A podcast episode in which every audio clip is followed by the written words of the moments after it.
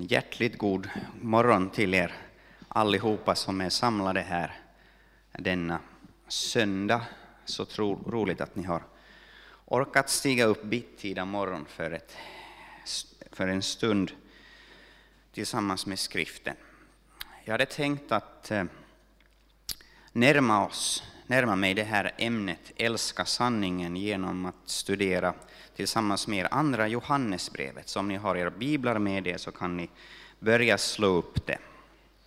Ehm, jag har redan presenterat mig några gånger under den här helgen, så jag ska inte säga så mycket mer om det, mer än att är ni intresserade av vad jag gör där i Ryttula, vilka eh, bibellinjer vi har där, vad man kan studera, så har jag lite broschyrer här på ett bord vid sidan om.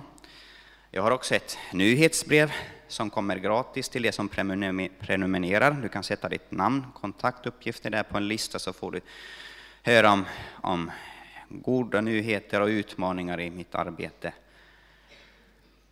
Någonting att, att be för.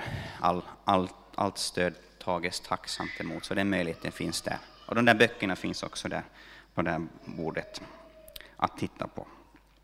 Men ingenting mer om det. Låt oss nu eh, gå in på andra Johannesbrevet. Jag gör som så att jag nu helt kort läser igenom det för oss och sen börjar vi gå igenom den avsnitt för avsnitt. Så här står det i Guds heliga ord. Det här är enligt folkbibeln. Från den gamla till den utvalda frun och hennes barn, som jag älskar i sanningen, och inte bara jag, utan alla som har lärt känna sanningen. Vi älskar dem för sanningens skull, som förblir i oss och skall vara med oss i evighet. Nåd, barmhärtighet och frid från Gud, Fadern, och från Jesus Kristus, Faderns son, vare med oss i sanning och kärlek. Jag blev mycket glad när jag fann sådana bland dina barn som lever i sanningen efter det bud som vi har tagit emot av Fadern. Och nu har jag en bön till dig, min fru. Det är inte något nytt bud jag här ger dig, utan det som vi har haft från början. Jag ber, låt oss älska varandra. Ja, detta är kärleken, att vi lever efter hans bud. Detta är det bud ni har hört från början, att ni skall leva i kärleken. Ty många bedragare har gått ut i världen, och de bekänner inte att Jesus är Kristus, som har kommit i köttet. En sådan är bedragaren, Antikrist. Se till att ni inte förlorar det vi har arbetat för, utan får full lön. Den som inte förblir i Kristi lära, utan går utöver den, han har inte Gud. Den som förblir i hans lära har både Fadern och Sonen. Om därför någon kommer till er och inte för med sig denna lära, så skall ni inte ta emot honom i ert hem eller hälsa honom välkommen. Den som välkomnar en sådan gör sig medskyldig till hans onda gärningar. Fastän jag har mycket att säga er vill jag inte göra det med papper och bläck. Jag hoppas istället kunna komma till er och tala direkt med er så att vår glädje kan bli fullkomlig. Din utvalda systers barn hälsar till dig. Så lyder Herren. Ja, andra Johannesbrevet. Här skriver en av de sista eh, levande ögonvittnena till en av eh, Herrens församlingar. Kanske ett rundbrev som går till flera. Man spekulerar kring staden Efesus som möjlig mottagare. Men i slutet av sin karriär så närmar sig Johannes den här för, en, en av sina församlingar för att eh, undervisa, för att uppmana. Han vet, han har sett det, har funnits med ända från början, men nu är det kanske speciellt akut där i församlingen att eh, vid sidan om Ehm, det, det rena evangeliet, det goda evangeliet, den, den san, sanna Kristi lära finns sidan, där vid sidan om finns en falsk undervisning, sådant som omintetgör tron, som som konfunderar troende ehm, kom, in i församlingen kommer lärare som, som inte undervisar på samma sätt som Johannes, inte undervisar på samma sätt som Paulus, eller vår Herre Kristus för den delen. Och kanske är många av dem väldigt gemytliga, snälla och öppna och riktigt trevliga att umgås med. Och därför så blir det svårt där i församlingen. Och Johannes vill hjälpa dem att, att fundera kring att hur ska man lösa de konflikter som uppkommer obönhörligen. När ska man vara mild? När ska man vara hård? Och en, en av de stora frågorna som det här brevet ställer oss inför är det här. Vad älskar vi mer? Gud eller människor?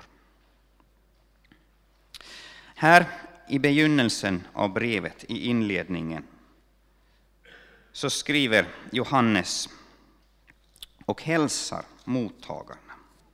Ehm, Johannes är på sätt och vis Ehm, unik bland apostlarna därför att han, om någon, betonar både kärlek och sanning. Nå, vi som har läst evangelierna och hoppas att alla av oss läser evangelierna eh, eh, regelbundet, ser på vår Herre Jesus Kristus och ser där att han om någon kan få ihop dessa två sidor som synes vara motstridiga. Han är kärlek, han är sanning. Och här har vi en apostel som har sett det. Han har gått vid sidan om Kristus, han har sett vad han har gjort, hört hans undervisning, tillbringat tid tillsammans med honom flera månader, flera år förmodligen. Han vet vad han talar om. Det här budskapet som kärlekens och sanningens apostel vill han ge de kristna. Han har också redan fått arbeta hårt för det här. Han har förmodligen fått lida för det. Ehm, han är ännu inte ute på ön Patmos där Uppenbarelseboken skriver, men det är framför honom. Han har förlorat många av sina goda vänner. De har mist livet för sin tros skull. Så det här som han är ute med vet han, det kostar någonting. Men han vet också att, att det finns inget annat alternativ än att vara beredd att betala det där priset.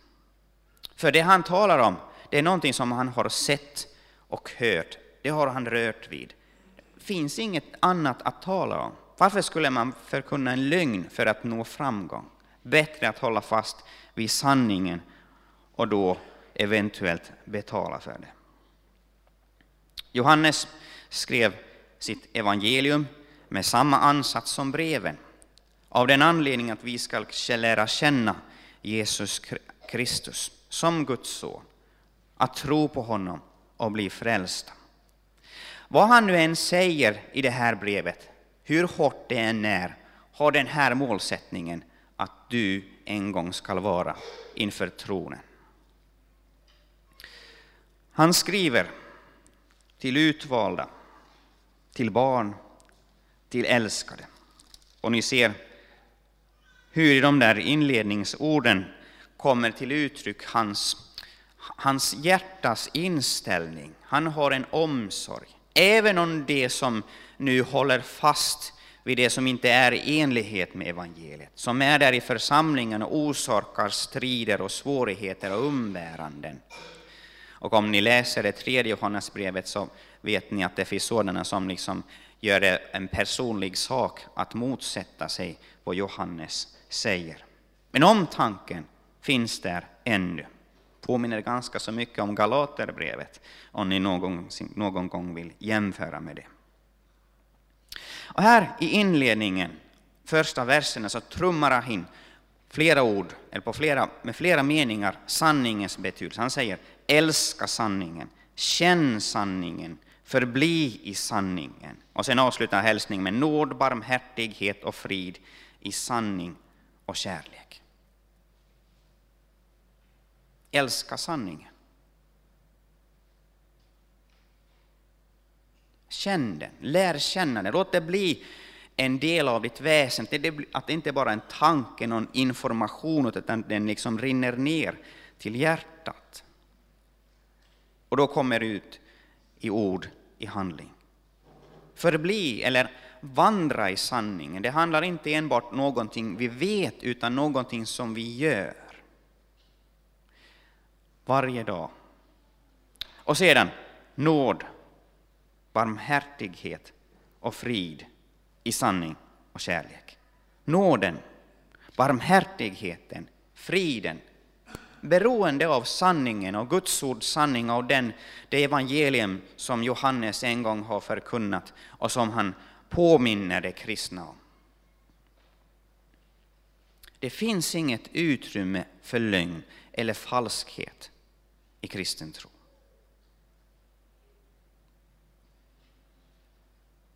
Det finns någonting som är svart och någonting som är vitt. Många saker, där finns Eh, utrymme för eh, personliga åsikter. Vi behöver inte alla er, klä er exakt likadant som jag, svart kostym. Det är fritt fram.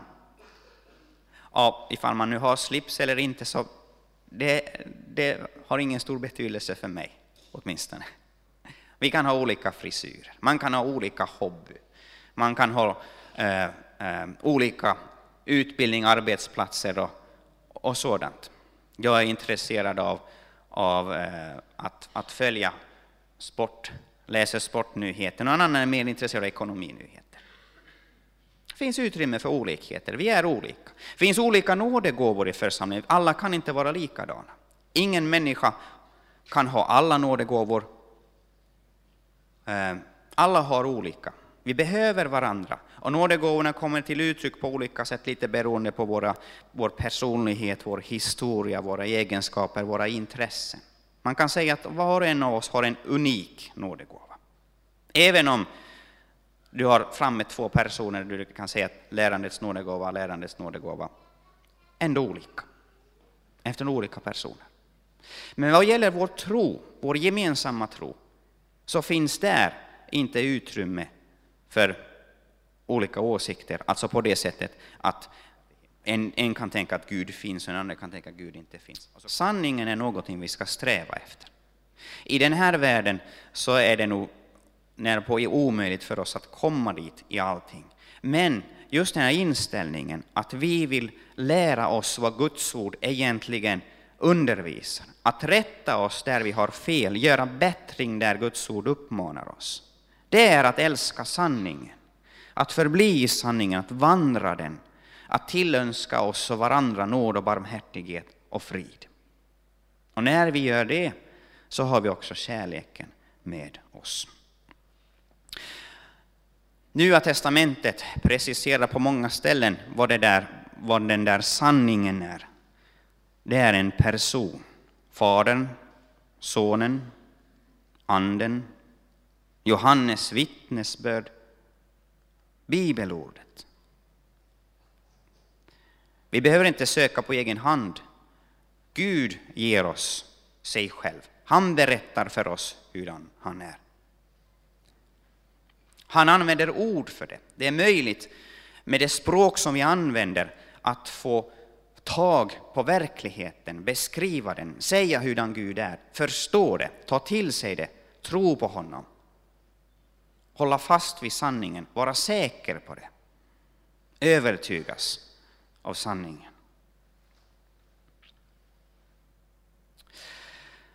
Fadern, Sonen och Anden, den treenige Gud, är på sanningens sida. Johannes vittnar om det. Bibelordet bär sanningen till oss.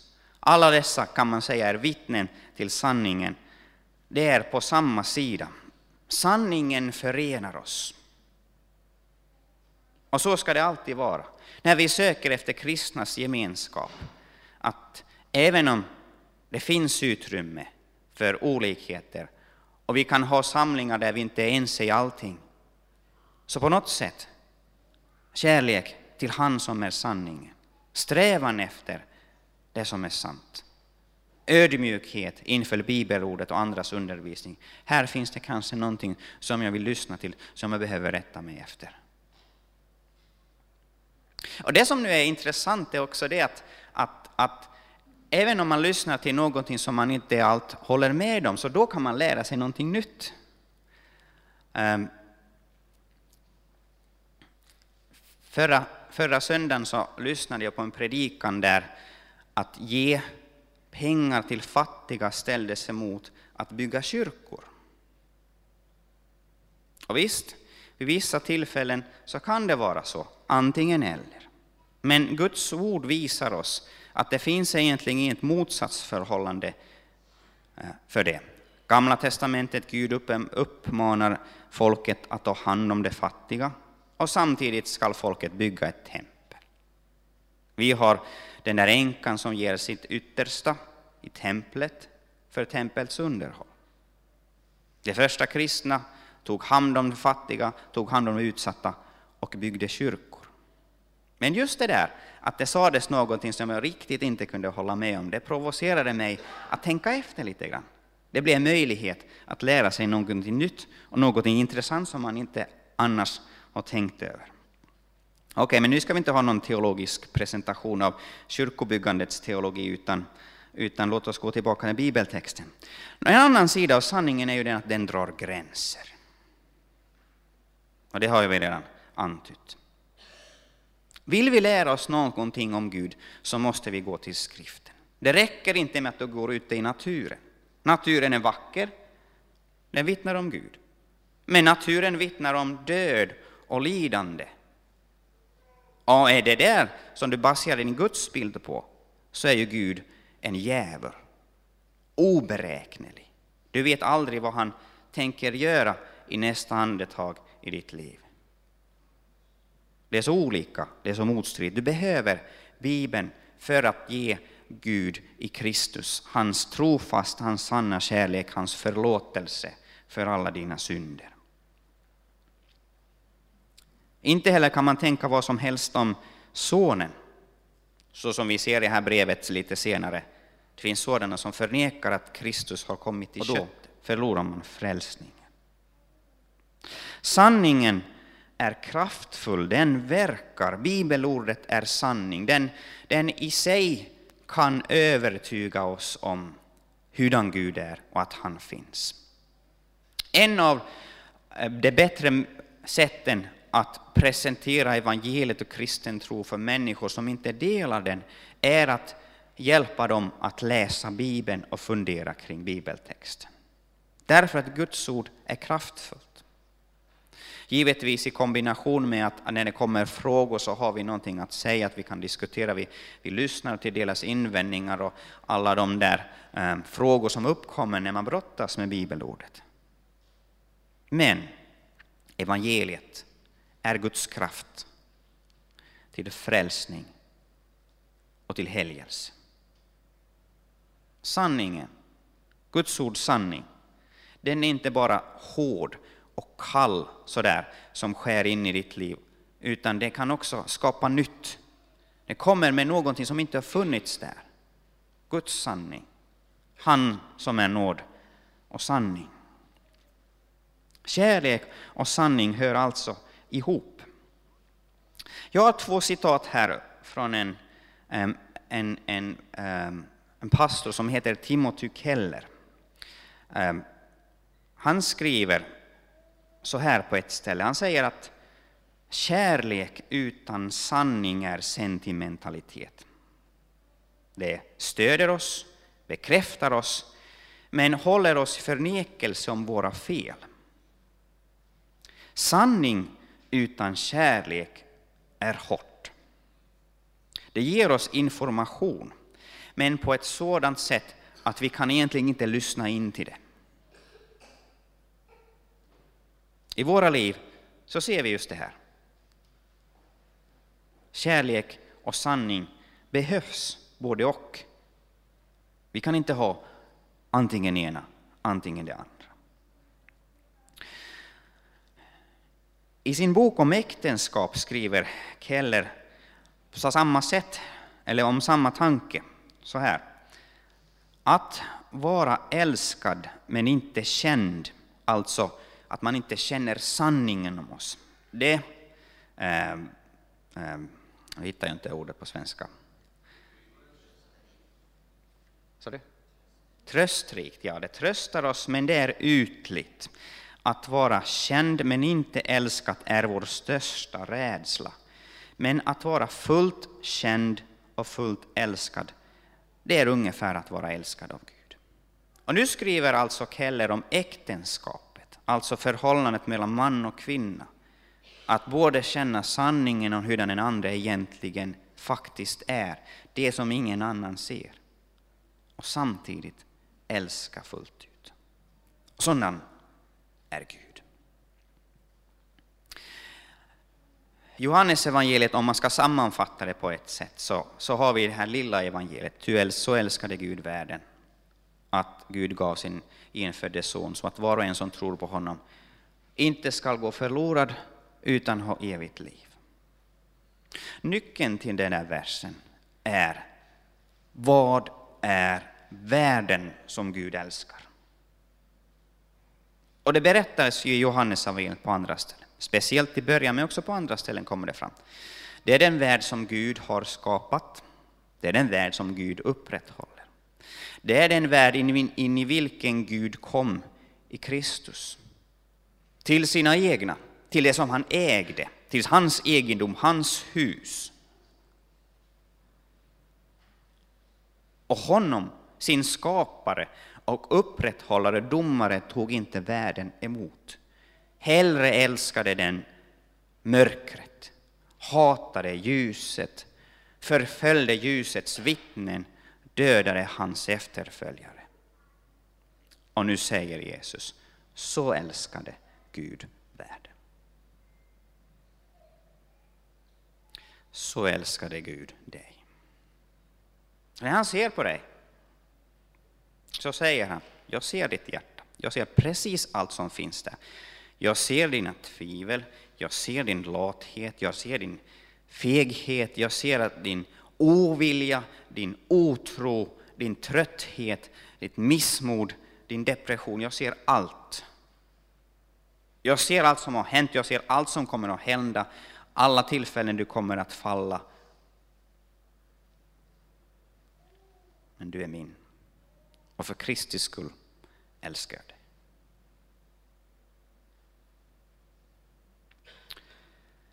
Sanningen, den sanning som skriften förkunnar oss, gör oss ödmjuka. Det finns inga högmodiga kristna. Vi är fattiga syndare som hjälper andra fattiga att, hem, att, att finna livets bröd. Det finns helt enkelt inget utrymme för oss att stå ovanför andra och se ned på dem. Den stora synden, det finns säkerligen många stora synder för oss kristna, men en stor synd för oss är att vi ber fariseens bön. Tack Herre Jesus att jag är inte som den där. Tack Herre att jag åtminstone klarar av att leva efter det där budet. Att jag, läser, att jag inte lever på det där sättet. Tack Gud. Du har glömt vad evangeliet är. Det har inte gnuggats in i ditt hjärta tillräckligt. Inte i mitt heller för den delen. För den bönen, den är liksom en andra natur för oss. Det kommer så enkelt, så fort, så självklart. Och det är så sällan man lägger märke till att, aj då. Det var nog en bön man inte skulle ha bett.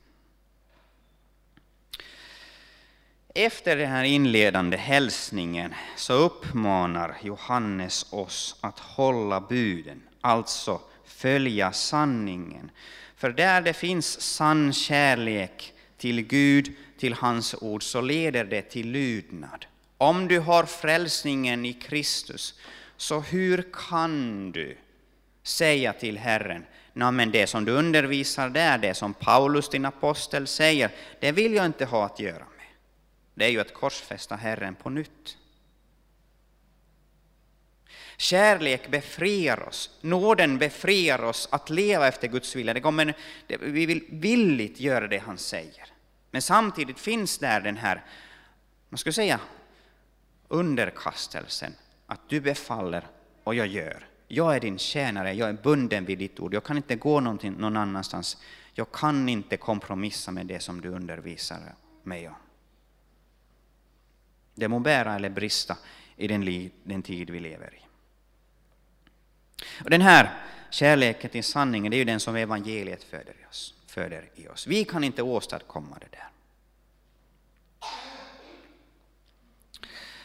Jag har ibland hamnat i disput med en, med en kan inte kanske längre säga ung man, han är i min ålder, men han, han brukar så ofta han får möjlighet att, att, att får möjlighet till ordet att säga att, i det sammanhang som jag rör mig, att, att vi älskar inte varandra. Ni älskar inte varandra, ni har inte kärlek. Och alltid när jag hör det där så är det två tankar som kommer i huvudet. Det ena är att ja, han har rätt. han har rätt. Om jag studerar mitt hjärta så finns där allt för lite kärlek, allt för lite sann kärlek. Antingen det är hårdhet eller så en sån här meningslös sörja som kallas för kärlek som inte har någonting att göra med det egentligen. Han har rätt. För lite kärlek bland oss. Andra tanken. Hur ska vi få fram den där kärleken? Är det rätt väg att säga, ja, hör du Max-Olof, älska, älska mer. Kom igen nu, kämpa, ta i. Du vet, det går inte. Så funkar det inte. Om du vill att din hustru ska älska dig, dina barn ska älska dig, så du går inte och befaller dem att göra det. Så kommer ingen kärlek fram. Så måste du älska först. Om du vill få någon att. Och när jag säger älska så menar jag sådan kärlek som offrar sig själv för den andra som utger sig själv, som, som kostar dig någonting. För sann kärlek kostar alltid. Det är ingen kärlek som är billig, som inte kostar dig någonting, som är enkelt. Nå, ibland finns det utrymme för det. Men, men, men Guds kärlek på korset i Kristus visar att, att när Gud älskar oss så kostar det honom hans egen son. Så mycket kostar det Gud att älska dig. Så stor är din synd att hans son måste dö. Men så stor är Guds kärlek att han låter sin son dö för din skull. Så trofast han är att han låter sin son dö. Och det där evangeliet, det är det som kan uppväcka kärlek i oss. Att vi får ta emot Guds förlåtelse och sedan har vi någonting att ge åt andra.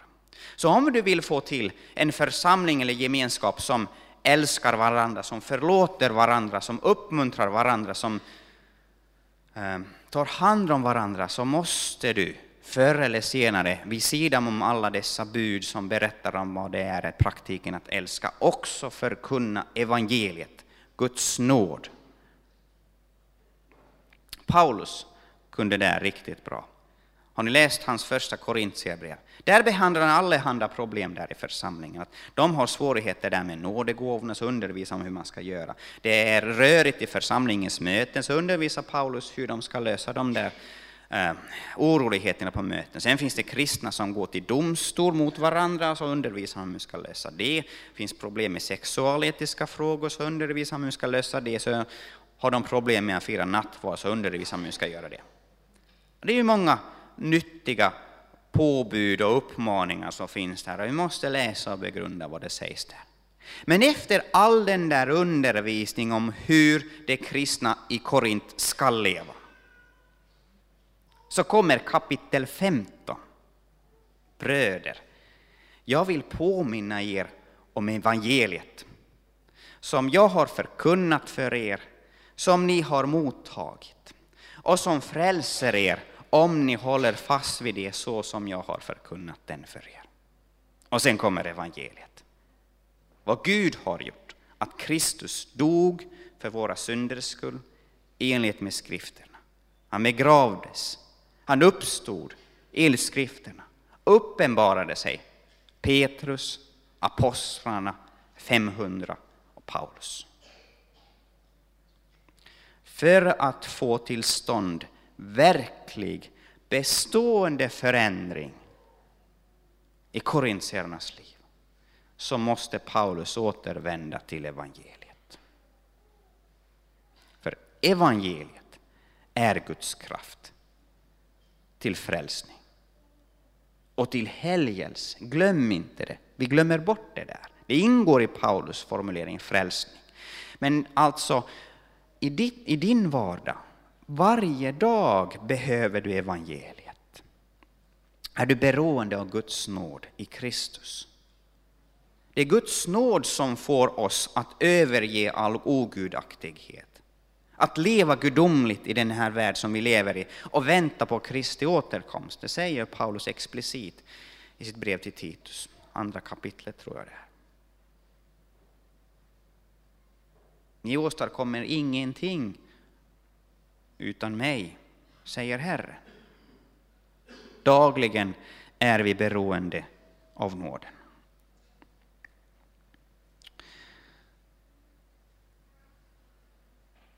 Nytt bud har jag, skriver Johannes. Det är inte nytt, som han säger, det bud som Herren Jesus gav lärjungarna innan han dog.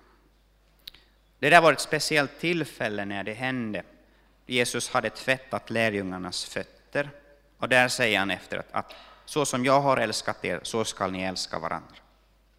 Och det där att Jesus tvättade lärjungarnas fötter, det var någonting som Petrus var obekväm med. För att tvätta fötter, det var den uppgift som hörde till den allra ringaste i familjen, eller den ringaste av de tjänare som fanns i familjen. Den som var liksom sist i den här hierarkin i hela tjocka släkten, den skulle tvätta fötterna. Och så gör deras herre just det. En symbolhandling som säger till lärjungarna, jag har inte kommit för att befalla utan att tjäna. Och vill ni vara varandras ledare så ska ni tjäna varandra, så som jag har. Självutgivande kärlek, som inte endast tvättar våra fötter, utan tvättar våra hjärtan, inte med vatten, utan med blod, med Kristi blod. Vad är det för bud Johannes tänker här på? Han preciserar inte så jättemycket. Han talar om kärlek, att älska varandra. Det är mycket som ingår i det där ordet om vi läser hans första brev och Johannes evangeliet. Någonting som ingår där, dels är det att, att de tio budorden är synonymt med att älska. Jag såg en gång en sån här teckning på, på Mose som stod där på Sinai berg, så han hade två tavlor där, stentavlor, där det stod att älska Gud och älska varandra. Och så tittar Mose upp mot himlen och så säger han att, att Gud är mer specifikt. Det var nog bra formulerat, men kunde det vara lite? Och det är just så, att om vi bara har en allmän princip, vi ska älska varandra, så blir det ju det, det får ingen betydelse. Vad betyder det i praktiken? Hur ska vi älska varandra? Om det bara är en sån här allmän princip så, så brukar det bli som så att var och en av oss definierar det på ett sätt som är bekvämt för oss. Så som vi klarar av att älska, så som vi tycker om att älska. Som aldrig visar oss i vårt hjärta hur fel vi älskar, hur lite vi älskar. Och därför har vi de tio budorden. De förklarar oss vad det betyder att älska egentligen. Om vi älskar Gud, om vi älskar vår nästa, så håller vi budorden. Och här kommer den här sammanfattningen just av budorden, de tio buden. Älska varandra. Och det här är nu i kontrast till, ehm, till, till de strider som fanns där i församlingen eftersom det som förkunnade nu falsk lära var sådan som orsakade splittring, som eh, uttryckte sitt missnöje med det som höll fast vid det som Johannes undervisade. Och Paulus säger att om vi faktiskt har Kristus så beter vi oss inte så, utan då älskar vi varandra. Där finns det enhet och samhörighet. Därför kan kärleken bli ett yttre tecken på om där faktiskt finns tilltro till sanningen. Alltså inte kärlek i sig, att det har, vi har trevligt, utan det att vi håller fast vid honom som är sanningen, vägen och livet. Och det kanaliseras sen i våra handlingar i den där gemenskapen. I första Johannesbrevet talar Johannes om det här att älska i självutgivelse. Han skriver om att vi älskar Gud. Och sen kombinerar han det att vi älskar med tron på Guds son. När vi tror på Jesus Kristus, när vi ser vad han har gjort för oss, så väcker det vår uppskattning och kärlek till honom. Tänk vilken Herre vi har. Att han har gett oss allt det goda som vi dagligen har. Han tar hand om oss, han bevarar oss, han, han gett oss tron, han ger oss vänner, han ger oss ett liv med mening, han ger oss ett hopp om en framtid. Vilken Herre och frälsare vi har. Det där är ju eh, en nyans, den där inställningen, en nyans av, av kärleken. Där det finns sann tro på Guds son, där finns det kärlek till honom och kärlek till nästan. Så för att lite grann sammanfatta. Sanningen har gränser, men kärleken, den är gränslös. Följ sanningen, uppmanar Johannes. Från vers 7 till vers 9 så förklarar han vad det här innebär i praktiska ordalag. Kärlek till sanningen bevarar. Han säger här att det finns falska lärare i församlingen och kommer ut ur församlingen. Det som utmanar oss mest som kristna, som kristen gemenskap, är inte det som finns där ute i världen. Det är det som finns här inne. Här inne. Bland oss i våra hjärtan. Han säger det, Johannes, i sitt första brev, att dessa falska profeter kommer inifrån församlingen. För där det sanna, goda evangeliet förkunnas så att människor kan komma till tro, bli frälsta, få ett evigt liv, där är djävulen alltid ute och rör sig. Studera bara apostlagärningarna när Paulus kommer till en ort. Det var någonting som Stefan Gustafsson ehm, lämnade vid sidan när han gick igenom Paulus som försvarade evangeliet och förklarade evangeliet. Han hade framgång, människor kom till tro, men den andra reaktionen vid varje ort var den att han kastades ut. Man förföljde honom, man ville tysta honom, man tålde inte sanningen. När det sanna evangeliet förkunnas så uppkommer alltid motstånd. Det var någonting som Jesus sa till sina lärjungar. Jag kan tänka mig att, att, att eh, apostlarna, till exempel Johannes och Petrus, när, när den här första pingsten var, massor med människor kom till tro, församlingen växte och de uppskattades som människor. Att vid något tillfälle så drog de varandra i skjortärmen och så hade de ett samtal att, att, att Petrus, ja, vad är det Johannes? Mm, du ser att alla tycker om oss. Ja, jag har märkt det. Vi är uppskattade. Ja, jag har märkt det också. Eh, vi har framgång på framgång. Jo, jag har märkt det också. Eh, Petrus, vad gör vi fel?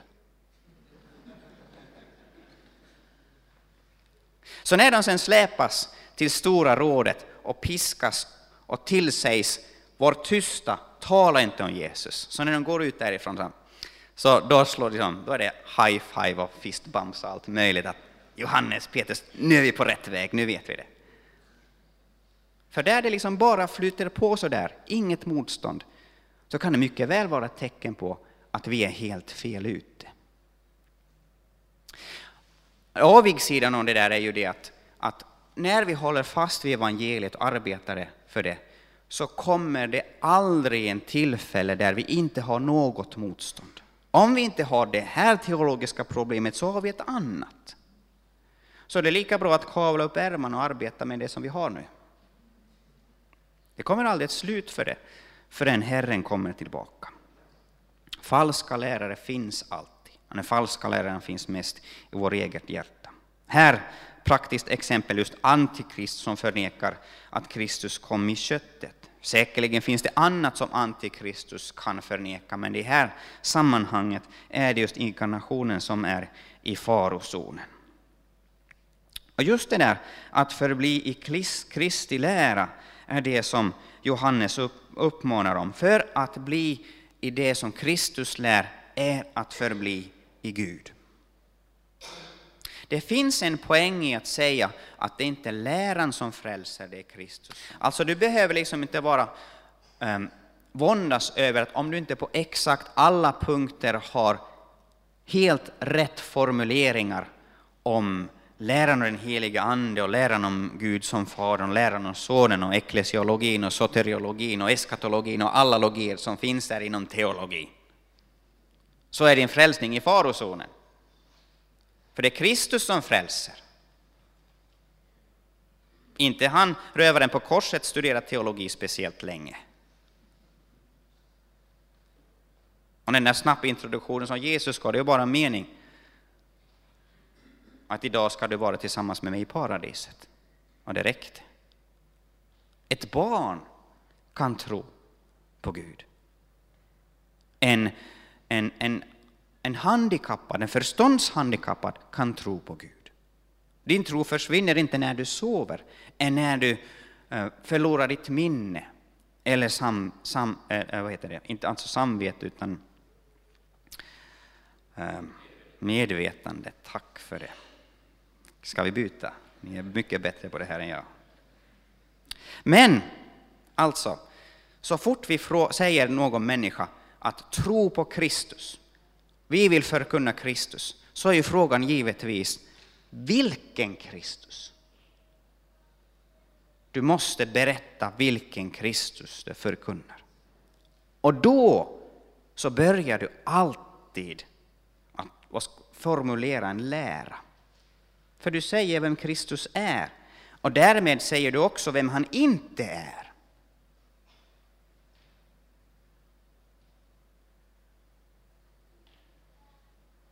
Och om en människa kommer till tro endast på basis av den här meningen, tro på Herren Jesus, så blir du frälst.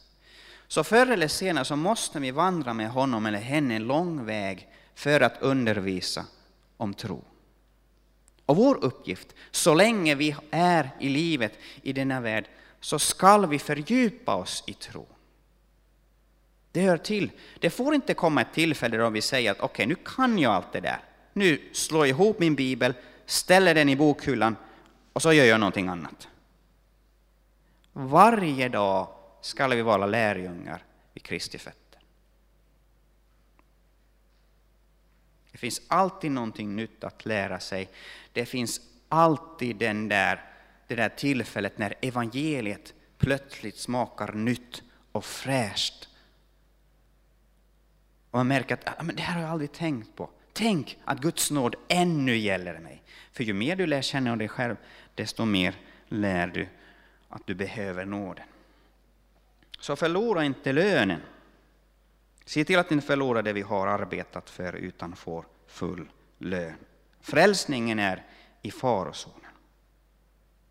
Kärlek till sanningen bevarar, och kärlek och, och sanning är någonting som är värt att strida för.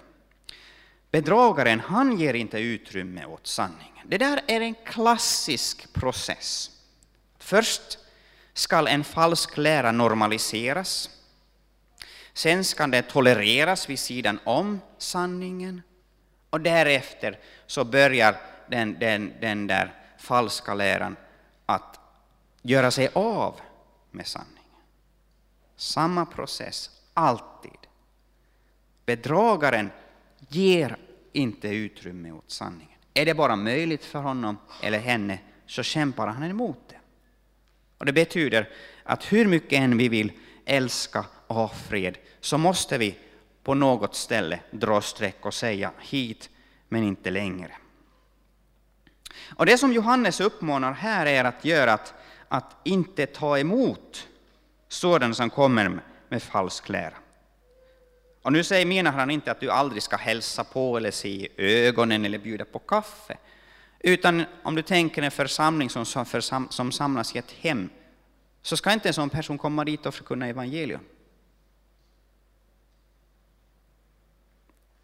Tänk om någon som förnekar Guds existens och Kristi eh, unika person skulle inbjudas till kyrkhelgen som huvudtalare. Vi vill vara så gemytliga och öppna och toleranta. Tidsandans namn. Nå, en del av oss skulle nog klara av det där på något sätt. Men, men det skulle ju konfundera väldigt många. Vilken Kristus ska jag tro på? Och jag är så, ganska så säker på att en hel del skulle dra till exempel, till exempel den här slutsatsen. Okej, okay, Det har inte så stor betydelse vad för slags Kristus jag tror på.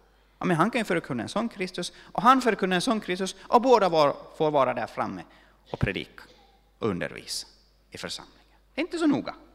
Allting är relativt. Typ. Nej, så ska, om det, så, i den grad det är beroende av oss så ska vi inte ta emot. Det är inte alltid möjligt. Ibland får vi bara rösta med fötterna för vi har inte den där positionen eller den makten. Sen finns det positivt som man kan göra, det sägs också i tredje, Johannes 3 b. att samtidigt som vi inte tar emot så tar vi emot dem som arbetar för sanningen, understödjer det. Det finns liksom en passiv och aktiv sida i det här hela. Att när ni ordnar den här kyrkhelgen, att ni letar efter förkunnare som håller fast vid ordet, som håller det högt, som vågar predika det och tillämpa det på åhörarnas liv. Att ge vårt stöd till sådana personer. Ta emot, ge pengar, be för dem så att det kan verka. Arbeta för sanningen. Här finns en antydan av missionens betydelse också. För det är ju mycket det, att vi här understöder det som åker långt ut att förkunna sanningen i Jesus Kristus. Vi kan ha ett gott innehåll, men om vi på så, på så sätt kompromissar med sanningen så går det fördärvat. Sanningen är värd att strida för och sanningen måste stridas för. Så kommer avslutningen i brevet där Johannes ger uttryck för sin förhoppning att möta de kristna där i kärlek och sanning. För, ursäkta, för ehm, just i vår gemenskap tillsammans med andra människor så praktiserar vi vad det innebär att Gud är kärlek och Gud är sanning. Det som vi undervisar här, det som även jag undervisar, jag hoppas är sånt som man faktiskt kan leva efter och måste leva efter. Att det inte bara är en fin teori att jo, jo, Jesus är sanning, men sen när vi kommer ner i vardagen så får var och en ha vilken åsikt som helst om Kristus. Och vi aldrig utmanar det, det som sägs bland människor om Jesus. Det ska levas ut, det är möjligt. Johannes längtar efter den där närheten, kommunikationen, att se ansikte till ansikte, att glädjas tillsammans. Det är där, i den verkligheten, som sanningen blir kött i oss och kärleken blir kött i oss. Speciellt viktigt, skulle vi kunna gå långt in på, men det har vi inte tid för, är den här verkligheten i, Guds familj. Den är speciellt viktig just i en tid där den här virtuella verkligheten är den som vi lever så mycket tid med. Alltså i form av smarttelefoner och tabletter och tv och film och dataspel och allt möjligt. Att, att gå ut från den verkligheten och in i den verklighet som Gud har skapat och där vi möter varandra i kärlek och sanning. En av de svåraste utmaningarna, en av de viktigaste, viktigaste eh, eh, kunskaperna och färdigheterna att kunna leva tillsammans med andra kristna i kärlek och sanning. Ska vi be. Tack Herre Jesus Kristus för att du är full av nåd och sanning. Tack Herre att vi kan se på dig och se att kärlek och sanning hör tillsammans. Att sanningen är på kärlekens sida, att vi kan älska sanningen. Tack för att vi i detta exempel har någonting att se upp till, att leva efter, att utmanas av, att, att, att tröstas av. När vi i vår tur, i den tid vi lever i, försöker hålla fast vid ditt ord, vid ditt kärleksfulla ord och ditt ord som är sanning. Alldeles speciellt vill vi, Herre, återigen denna morgon tacka för att du ser oss, du känner oss sådana som vi verkligen är. Känner oss så som ingen annan. Och ändå säger du, jag har låtit min son blöda för din skull. I hans sår är du helad. I hans namn har du förlåtelse. I hans uppståndelse har du ett fast hopp, en mening med livet, en betydelse. Du är min son, jag älskar dig. Du är min dotter, jag älskar dig. Herre, låt oss hålla fast i din kärlek och din sanning varje dag in till evigheten. Amen.